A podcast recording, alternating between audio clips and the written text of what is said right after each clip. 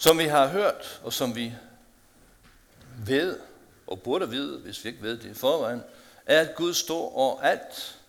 Det har vi hørt fra Jobs bog. Og Job var en uh, trofast tjener af Gud, og gør alt, hvad han kunne i sin magt for at tjene Gud på en rigtig fin måde. Og uh, Gud på et tidspunkt siger til fjenden, djævlen, se nu på Job, hvordan han har det. Og så fjenden siger, jamen det er fint med dig, fordi du har velsignet ham umådelig meget. Så skal han nok være glad. Men bare vent til han mister, begynder at miste noget. Så skal han nok øh, komme til at være galt på dig, og banet på dig. Og så fik han lov til at ligesom stille og roligt tage den ene ting. Han mistede sin rigdom. Han mistede sine børn. Og til sidst var han udsat for en vældig sygdom på sin egen krop.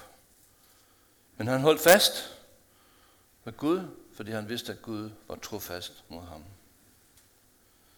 Så jeg vil gerne bede alle rejse sig og høre det hellige evangelium, som vi finder i Matteus evangeliet.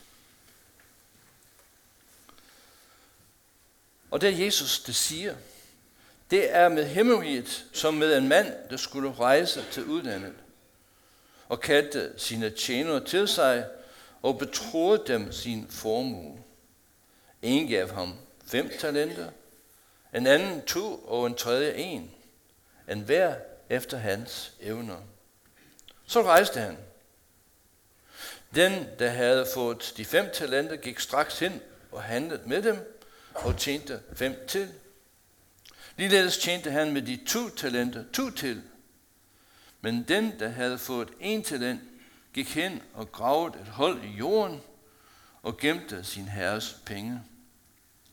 Lang tid efter kommer disse tjeneres herre tilbage og gør regnskab med dem. Den, der havde fået de fem talenter, kom og lagde andre fem talenter på bordet og sagde, Herre, du betroede mig fem talenter.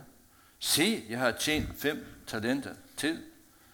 Hans herre sagde til ham, Godt, du gode og tro tjener. Du har været tro i det små. Jeg vil betro dig meget. Gå ind til din herres glæde. Også ham med de to talenter kom og sagde, Herre, du betroede mig to talenter. Se, jeg har tjent to talenter til. Hans herre sagde til ham, Godt, du gode og tro tjener. Du har været tro i det små, og jeg vil betro dig meget. Gå ind til din herres glæde. Så kom også han, som havde fået den ene talent, og han sagde, Herre, jeg kender dig som en hård mand, der høster, hvor du ikke har sået, og samler, hvor du ikke har spredt. Og af frygt for dig gik jeg hen og glemte, eller gemte din talent i jorden.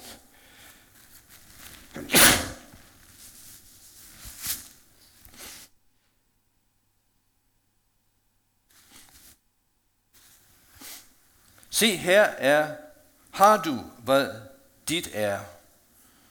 Men hans herre sagde til ham, du dårlig og dogne tjener. Du vidste, at jeg høster, hvor jeg ikke har sået, og samler, hvor jeg ikke har spredt. Så burde du have betroet mine penge til vekselærerne. Så havde jeg fået mit igen med renter, når jeg kom tilbage. Tag derfor talenten fra ham og giv den til ham med de ti talenter. For enhver, som har, til ham skal det gives, og han skal have overflod. Men den, der ikke har, for ham skal selv det tages, som han har. Og kast den udulige tjene ud i mørket udenfor. Der skal det være gråd og tænderskæren. Amen. Værsgo til plads. Som sagt, Gud står over alt og alle. Han er skaberen. Han er opretholderen. Og den, der kommer igen for at dømme levende og døde. Han er vores dommer og vores skaber. Og samtidig er han også vores far og vores ven, om man vil. Derfor skal vi gøre, som Luther skrev. i sin lille katekismus. Vi skal både frygte og elske Gud. Vi skal frygte ham på grund af hans vælde og magt. I hans retssal kan vi ikke få et ben til jorden. Uanset hvor kloge og dygtige vi er. Han har altid det sidste ord i enhver sag.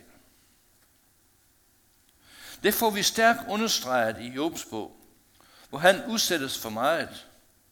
Men han vil ikke opgive håbet og troen på Gud, selv om hans rigdom forsvinder, hans børn dør, og hans krop udsættes for smertefulde bylder, og han er måske døden nær. Hans kone siger til ham på et tidspunkt, du må heller opgive håbet, forbande Gud og dø. Så er hans håb og tro stedfast, og han holder ud, trods alt de i gåseøjne gode råd, hans venner og hustru giver ham. Job er et godt eksempel på trofasthed mod sin skaber og sin Gud. Men hvad med trofasthed? Hvad er trofasthed? Og er det noget, vi kender til? Blandt de tre tjenere i Jesu beretning var det to af dem, der var trofaste, og de får råds for det. De gjorde det, som var ret i deres herres øjne, og han belønnede dem for det. De fik de forløsende ord at høre, godt, du gode og tro tjener, som vi alle vil gerne høre en dag. De var pålidelige og til at stole på, også over længere tid. Chris Wright, måske nu jeg kender hans navn, skal har skrevet, trofasthed er karakteren hos nogen, man simpelthen altid kan stole på. Og det er en kvalitet hos Gud, har vi hørt i sangene, og er blevet sagt. Han er trofast i det gamle testamente. Han er trofast i det nye testamente. Og han er trofast i dag. Han er trofast til at tilgiver vores sønder, når vi beder ham om at blive tilgivet. Han er trofast, når vi er i nød og ikke kan finde ud af det. Han er trofast, når det går os godt, og han er trofast, når det ikke går os godt, og vi møder for eksempel, som mange af vores søskende i verden møder, forfølgelse og diskrimination. Han er trofast, mere trofast, end vi nogensinde kan blive, selvom det til synligheden nogle gange ser anderledes ud. Samtidig fordrer han trofasthed af os over for ham selv og over for hinanden. Vi skal vise ham trofasthed, fordi han er trofast. Og vi skal vise vores omgivelser trofasthed, fordi vi kender til Guds trofasthed i verden og i vort liv. Vi er hans for, og han er vores trofaste hyrder. Han er til at stole på, og det er han altid. Hans nåde og trofasthed er ny hver morgen, og den er evig, og både rækker og varer ind i evigheden. Guds trofasthed mod sit folk Israel viste sig gang på gang, man kan læse om det i det gamle testamente, også når de havde svigtet ham på det grusomste. De skulle jo straffes, og nogle gang ret hårdt, men bagefter var Gud villig til at vise dem hans nåde og barmhjertighed, og tage dem til sig og begynde på en frisk. Jesus opfordrer i denne og andre lignelse, og ikke mindst i bjergprædiken, disciplene til at være trofaste. Hvorfor var disse tjenere gode i hans fortælling? De var gode, fordi de vidste, hvad der var det rigtige at gøre, og de gjorde det. Og de var trofaste, fordi de var pålidelige og ikke forsøgte at berige sig selv på deres arbejdsgivers bekostning. Trofasthed indebærer at kunne stå til ansvar, materielt såvel som åndeligt. Jesus siger, den der er tro i det små, er også tro i det store. Den der er uærlig i det små, er også uærlig i det store. Hvis I altså ikke har været tro med uærlig mammon, hvem vil så betro jer noget, som er af sand værdi?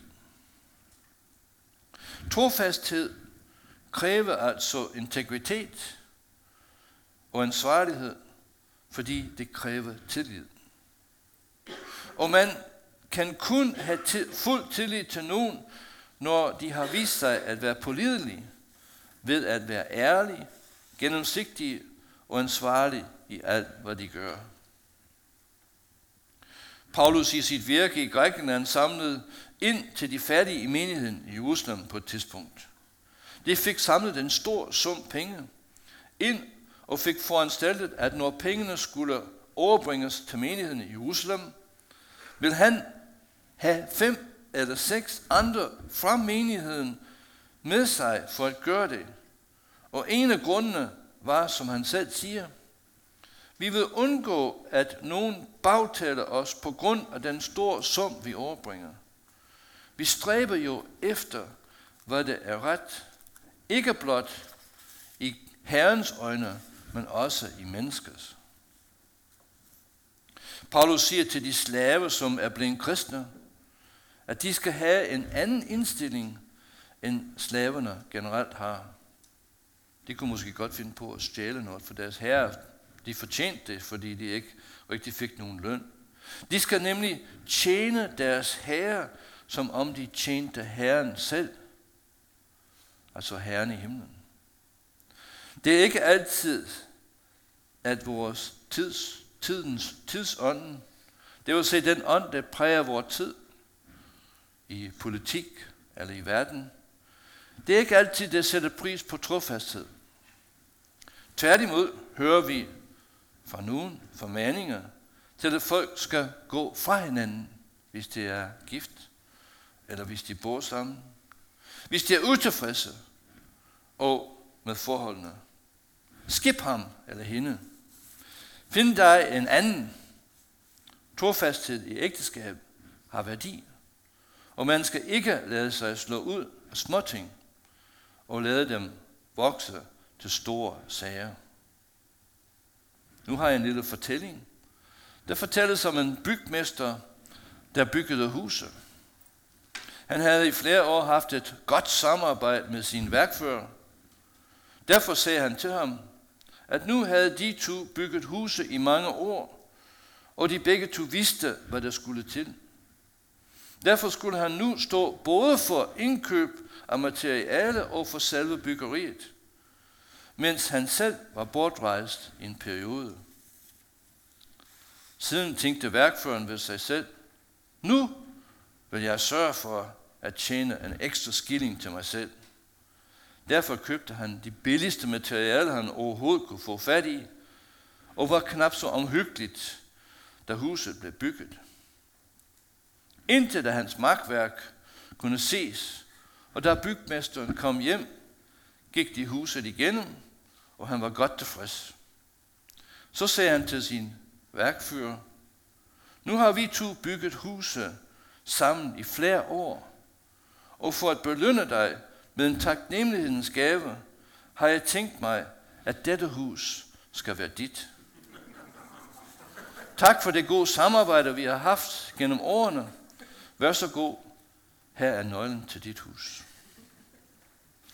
Alle de steder værkføreren havde sparet for at putte pengene i sin egen lomme, betød, at det hus, han fik, var i bund og grund dårligt bygget. Han snød sig selv, og man må sige det sådan.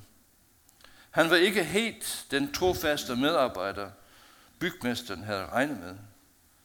Han var som en kat, om man vil. Det vil sige en øjentjener.